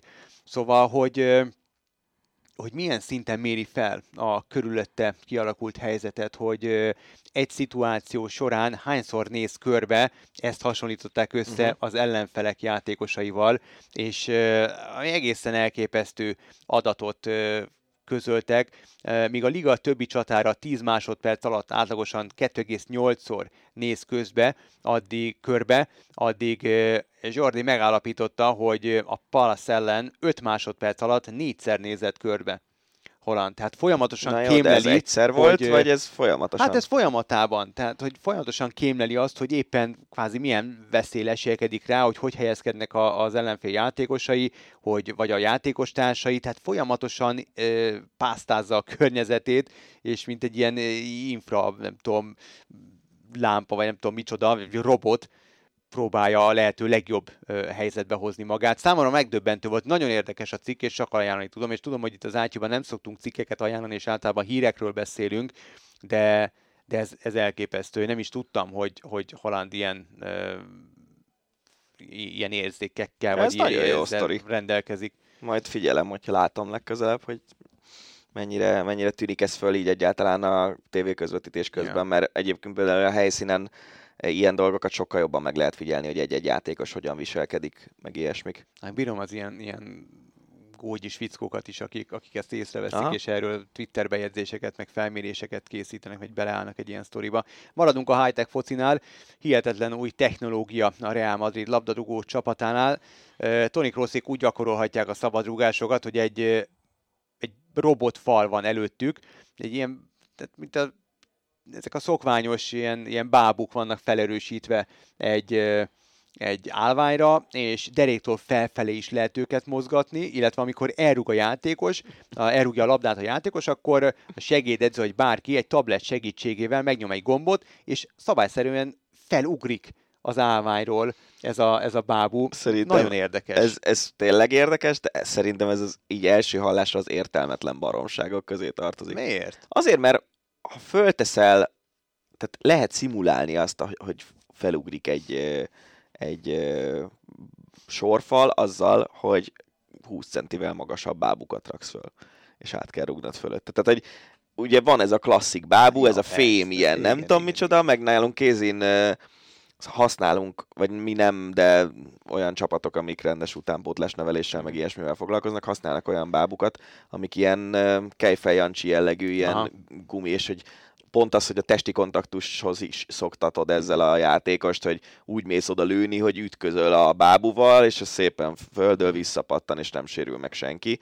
De hogy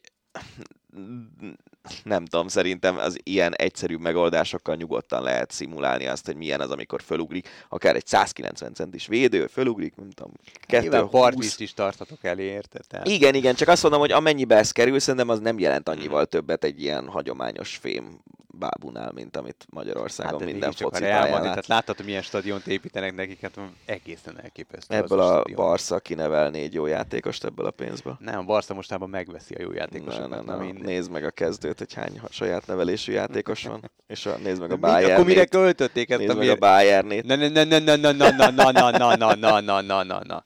Már kezdődik a trash talk. Mikor 13-án van az a, az első BL meccs, nem? Azt hiszem. Bayern Barca. Azt majd felvezetjük. Ja. Na, foci, de másmilyen NFL. Tényleg nem is mesélünk a közös sportélményünkről a kedves hallgatóknak? Ja, kim voltunk a Vasas Fradin. Ki, kicsábítottak Daniék Vasas meccsre.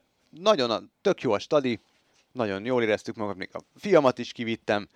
É, te, nagyon jó élmény volt maga a stadion, a, a, az odaérkezés, volt parkolóhely a környező utcákban, nagyon kultúrált minden kívül belül, tényleg nagyon jó volt a hangulat. Hát a meccsről már kevésbé tudnék ennyire, ennyire pozitívan nyilatkozni, de nyilván Fradi azt játszotta, amit, amit kötelező volt valahogy lehozni sérülés nélkül, lehető legkisebb erőfeszítéssel. És három ezt a pont meccset. És a három Igen. pont. Hát, hogy most a Vasas ennyit tud, vagy nem, ezt nem tudom, nem, nem nézek nagyon NB1-et. Nagyon, úgyhogy... nagyon, nagyon fura látni azt, ez, már a harmadik hazai meccs volt, hogy körülbelül szerintem a három, csak a három hazai meccs alatt szerintem 20 játékos játszott a Vasasban mm. kezdőként. Arra tippelnék. Most nem Azt adtam kemény. össze, de szerintem körülbelül ennyi. Az az érdekes, hogy, hogy pont itt elkaptam itt uh, kollégáink Tokics Tomiék, akik ugye csinálják ezt a 3-5-2-es uh, podcastet, és most már számolom negyedszerre de legalább harmadszorra biztos reklámozzuk őket, ennek meg lesz a bőtje. Szóval ők mondták azt, hogy Kutor Attila az MB2-ben nagyon látványos, nagyon izgalmas támadó focit játszott az a Vasassal, nem. tök jó volt, és hogy az MB1-ben nagyon visszafogott, és ennek csak az árnyékát mutatja a Vasas, és hogy nagyon kíváncsiak, hogy mi lesz ennek a vége, mert a vezetőségnek ez nyilvánvalóan egy idő után már nem fog tetszeni. Úgyhogy a vasas meccseken szerintem megtalálhatóak leszünk a jövőben, mert, mert mondom, egy tök jó szórakozás, abszolút jutányos áron, kulturált helyen, ja. úgyhogy tök jó. Na és akkor most már NFL 245 millió dollárért 5 évvel meghosszabbított a szerződését a Denver Broncos csapatával. Russell Wilson 165 millió ebből garantált, 33 éves, 7 évig játszik majd papíron a Denverben, ez idő alatt 296 millió dollárt tehet majd zsebre, és a második legjobban fizetett játékosa lett az NFL-nek. Tehát nem irányítója, hanem játékosa. Ami valószínűleg a második legjobb irányítót is jelenti, mert általában azért ők, ők keresik a legtöbbet. Hát figyelj, ez az, amikor van egy, egy jó játékosod, egy jó csapattal, és, és magadhoz akarod láncolni, ez most ennyibe kerül. Szerintem nem kell meglepődni ezeken az összegeken, mert ahogy megy föl a fizetési sapka, úgy nyilván egyre nagyobb és nagyobb összegek mennek. Ugye általában ennek az szokott lenni a túloldala, hogy viszont nem tudsz elég minőségi játékost köré tenni Aha. az irányítódnak. Most, hogy ez Denverben sikerül-e vagy nem, azt majd meglátjuk.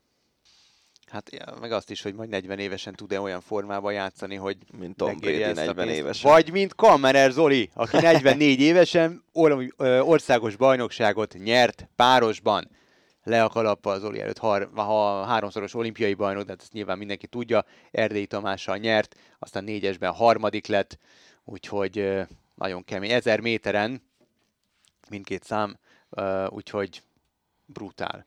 Hát ez kemény, igen. 44-es, hogy mi hajtja, mi motiválja. Bele döglök is megszerezzük egyszer a podcastbe. Azon gondolkodom, hogy ő már Sydneyben ott volt az olimpián, Persze. nem? Ja, durva. Hihetetlen. És ráadásul valószínűleg nem, nem úgy, nem, nem az van ebben a hírben, hogy nem tudom, választott valami olyan számot, ahol senki nem indul, hanem azért a magyar nem, kajaknak de- a erejét azt ismerjük elég Abszolút, jól. és ugye nagyon sokan azt mondanák, hogy jaj, hát ő EB volt, meg VB volt, és, és nagyon sok, meg olimpia utáni év, nagyon sokan ö, nem indultak el ezen az országos bajnokságon, mert pont amit a Dani mond, hogy a magyar kajakenónak az, az, az országos bajnoksága, ha mindenki ott van, az felér egy Európa bajnoksággal, Igen. simán. Ha meg hiányoznak, akkor ezek a sztárok, akkor meg simán egy világkupával. Igen. Tehát le a kalapál, semmit nem volna Kamera Zoli teljesítményéből, egészen elképesztő. Bringa, Vas Blanka kihagyja a világbajnokságot. Hát Ezt így leírtam, de azt, az nagyon fontos, hogy a Cycling News átvette a híreteket, amikor erről beszámoltatok, mert hogy nektek nyilatkozott Gergőnek, erről, igen. vagy Gergőnek. Igen, igen, igen. A, ugye az ES Bringa egyik tagja, és akkor most a másik podcastet is megreklámozzuk, melyen marha jó fejek vagyunk. Szóval, hogy ez miért fontos? Fontos egyáltalán? Hát minket eléggé meglepett a hír, mert amikor legutóbb Blankával beszéltem én személyesen, az ugye június végén volt, akkor így nagyon mondta, hogy a VB az fontos, meg amikor kérdeztem tőle, hogy az, az motiválja, hogy ő lehet az első 23-as világbajnok, mert ugye most a nőknél azt találták ki, hogy egy mezőnyben indulnak az 23-asok a felnőttekkel, de, de külön az 23-as győztes is világbajnok lesz. És, és akkor úgy elmosolyodott, és ilyen nagyon kis, hát nem tudom, ez ilyen kicsit ilyen, mint egy kisgyerek, amikor valamit így nagyon szeretne, olyan, Mhm. olyan arccal nézett rám, aztán persze lehet, hogy ez más, és nem ismerjük egymást azért olyan nagyon jól, hogy most ezt így biztosra mondjam, de úgy éreztem, hogy igen, és azt is mondta, hogy igen, ez nagyon izgatja őt. És most kiderült, hogy a, csapata kérte igazából tőle azt, hogy ugye itt augusztustól kezdve elég sokat verseny az országúton, szeptember végétől már a cyclocross szezonra fog így koncentrálni, október végén lesz az első világkupa versenye Csehországban, és a novemberben lesz az EB, ami egy olyan pályán lesz, ami elvileg elég jól fekszik neki, és ott győzelmi esélyei lesznek valószínűleg a, az Európa-bajnokságon, ahol tavaly második volt.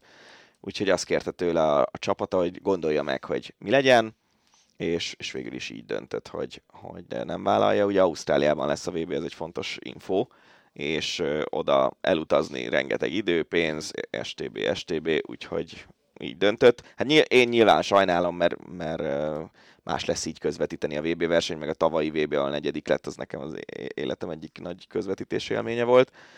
De, de most ez megint csak másodlagos, hogy én mit szeretnék, meg, meg ilyesmi. Nyilván az ő pályafutása fontos, szerintem lesz még lehetősége VB-n jó eredményeket elérni, ebben egészen biztos vagyok. Hát kézilabdával kapcsolatos hír, de nagyon érdekes, hogy semmiféle csapatról nem szól, hanem arról, hogy passzív játék szabálya megváltozott, és ö, ez lehet, hogy az én sekélyességemet mutatja, de én nem is tudtam, hogy, hogy egyrészt azt tudtam, hogy nyilván ez egy fontos szabály a kézilabdában, viszont azt nem, hogy például a játékvezetők a hazai mérkőzéseken évek óta jelzik az ujjaikkal, hogy hány passz van még hátra, és itt jön a lényeg, hogy a passzív játék esetén a maximális átadások száma az előfigyelmeztető jelzés felmutatása után 6-ról 4-re csökkent. Szerintem ez nem egy jó szabályváltozás, de ezt már mondtam neked is itt a hétvégén, hogy ennek a hat, maximum 6 passzos szabálynak az a legnagyobb problémája, hogy nem úgy alkalmazzák, ahogy a szabálykönyvben le van írva, hanem úgy alkalmazták, hogy 6 passz. Akkor is, hogyha közben eltelik egy perc. És ami nyilván nem telhet el elvileg, mert három másodpercig foghatod a labdát, utána passzolni kell, stb. Vagy leütni. De, de tényleg itt a legfőbb probléma ezzel volt, hogy nagyon sokszor olyan szituációkban, amiknél a régi szabály szerint passzív jelzés mellett ö, valamit csinál egy csapat, akkor elvették volna a labdát. Az új szabály, amikor bejött, ez a maximum 6 passzos szabály, akkor passzív jelzés mellett történt ugyanaz, és nem vették el, mert még csak három passzon voltunk túl. Pedig maximum 6 passz volt a szabályban. És én ezt ugye ö, nyilván a mi szintünkön mivel mi sem vagyunk a világ legjobb játékosai, ezért nem is a világ legjobb játékvezetői fújnak a Budapest bajnokságban. Többször szóvá tettem már, hogy, hogy de hát az a szabály, hogy maximum 6 passz, hogyha az ellenfél fél percig nem csinál semmit, de még csak 4, négy passznál járunk, akkor nyugodtan elvehetitek a labdát, de olimpián én úgy emlékszem, hogy elődöntőben volt tisztán olyan szituáció, ahol az oroszoktól el kellett volna venni a labdát, és nem vették el. Tehát egy, a, a legalsótól a legmagasabb szintig megvolt ez a probléma. Most csökkentik négy passzra ezt a dolgot, most már szerintem aztán végképp ez azt fogja jelenteni, hogy négy passzig lehet játszani, akkor is, hogyha az fél perc. Uh-huh. Nem gondolom, hogy ez jó irány. Szerintem Mi lenne itt... a jó irány? Hát az, hogy a, hogyha tényleg okay, fölteszed a kezedet, maximum 6 passz, de hogyha három után úgy érzed, hogy semmilyen szinten nem próbál kapura törni az a csapat, akkor ugyanúgy elveszed, mint de régen. mindig szubjektív, tehát hogy miért, ne, miért nem órára csinálják. Tehát játék, játékvezető fölteszi a kezét, onnantól kezdve 30 másodperc, csak mondtam egy időt. Hát mondjuk 10 lehetne szerintem, az nem, nem hülyeség feltétlenül, csak akkor meg nagyon a, tehát a, a, pont ez az, hogy ezt alacsonyabb szinten hogy tartod fölteszi a kezét, akkor elindul, megnyom egy gombot az, az időmérő, mert a, egy olyan meccsen, Aha. mondjuk egy EB meccsen, ahol ülnek 80 a zsűri asztal környékén, mm. lehet, hogy van egy ember arra, hogy elindítja a 10 másodperces ilyen shot clock jellegű ezért, de mondjuk a Budapest bajnokságban nem lesz egy Világos. ember csak erre, és akkor ezt hogy figyeled? Tehát ugye, nem, szerintem ez a, ez a maximum 6 passz, ez nem hülyeség, de egyébként lehet, hogy most, hogyha négy lesz, akkor, akkor eléri nagyjából az eredeti célját a, a szabály. Nem tudom, meglátjuk. Raport Richard román színeben folytatja, ez immáron hivatalos, ugye ezzel, ezzel foglalkoztunk mm-hmm. ezzel a hírrel korábban, akkor még csak lógott a levegőben, de már akkor is mindenki biztosra vette. A román szövetség jelentette be, aztán a magyar szövetség elnöke azt mondta, hogy ezzel most így hirtelen nem tudnak mit kezdeni, ellenben panaszt tettek a nemzetközi szövinél, és valamiféle szabályozás lesz majd, hogy ne lehessen a, és itt most úgy, ahogy próbálom idézni az elnököt, kvázi egy bejelentett lakcímmel, de ott nem tartózkodással országot meg zászlót váltani. Hát, ja, nem tudom. Nem tudom, hogy itt mi a, mi a jó eset, mert uh, most, hogyha itt azt nézed, hogy jogilag mi a dolog, akkor egy, akkor ugyanilyen erővel egy, egy romániai magyar nemzetiségű sportoló magyar színekben történő szereplését is akkor ennyi erővel nehezíteni kéne. Tehát itt szerintem a sportoló döntött, ott jobb feltételeket kap, ez van. Nem, nem tudom, hogy ezzel mi lesz, és egyébként kíváncsi leszek arra, hogy Rapport maga ilyen ö, propaganda ősztűz alá kerül-e ezzel a döntéssel, vagy, vagy hagyják szépen csendben elmenni. Há, jó lenne, hogyha az utóbbi történne meg. És egy úszóhír végezetül Kós Hubert az Arizona State Egyetemen folytatja a pályafutását, mégpedig Michael Phelps korábbi edzőjénél, a legendás Bob Bowmannél. Négy vegyesben uh, indul ugye Kós, ez a fő száma, és uh, a francia világbajnok is ott úszik, szóval legalább lesz edzésen is ellenfele csapattársa, friss Európa bajnoknak. Az a francia srác, akinek most nem jut eszembe a neve, ő eléggé nagy ö, király lesz valószínűleg a következő 5-10 évben ahogy úszik, nagyon fiatal, nagyon, nagyon szépen úszik. És... Leo Marsan. Igen, Marsan, köszi. Ö, hát én mindig, mindig is azt mondtam, hogy szinte minden esetben azt gondolom, hogy jobb az, hogyha egy magyar sportoló megpróbál külföldön ö, szerencsét próbálni. Az amerikai NCAA rendszer az, az az úszóknak szerintem kifejezetten kedvez közben tud egy szakmát szerezni magának, diplomát, és emellett pedig nagyon jó edzők kezében dolgozhat, úgyhogy szerintem ez egy win-win dolog. Nagyon remélem, hogy nem lesz ebből neki valamiféle hátránya itt a magyar versenyeztetési rendszerben, hogy mondjuk az itthoni OB-ra éppen nem tud eljönni, és akkor nem engedik ki az EB-kre, VB-kre miatt. Ha, ha ilyen nem lesz, mondjuk ez megbeszélte a szövetség vezetésével, meg a szövetségi kapitánnyal, akkor szerintem tök jól fog ebből kijönni. Szerintem ez már nem téma, ez még a gyárfás érában volt téma, hogy nem engedték ki őket, mert nem tudtak hazajönni a versenyekre, nyilván akkor nem voltak olyan eredmények a válogatottól, és próbálták ott elgáncsolni az ilyen próbálkozásokat, ahol csak lehetett, viszont Sós Csabának a fia is az Egyesült Államokban jár egyetemre, csak ő, hát én most meg, szerintem ő vízilabdázik, ő nem úszik, Hát én ezt nem tudom. Úgyhogy Én azt gondolom, hogy az új vezetés abszolút pártolja ezeket a törekvéseket, és azt viszont olvastam, hogy Kós megbeszélte természetesen a szüleivel, és az edzőjével is, és az edzője is pártolta ezt a döntést. Úgyhogy szerintem ez abszolút egy, egy, egy ilyen közös konszenzus, és sok sikert kívánunk Igen. Kós Hubertnek a Arizonában. Hát ennyi fért vele az eheti Ácsi rovadba, nem magazinba, rovadba. Köszönjük szépen, hogyha ezen a héten is meghallgattatok bennünket, jövünk a jövő héten is érdekességekkel, mert minden mással remélhetőleg egy ilyen hasonlóan összetett ácsi tudunk majd prezentálni számotokra. Rév Danit és Farkasvölgyi Gábor hallottátok. Sziasztok! Ez volt a Hosszabbítás, az Eurosport podcastje. A műsor témáiról bővebben is olvashattok honlapunkon az eurosport.hu.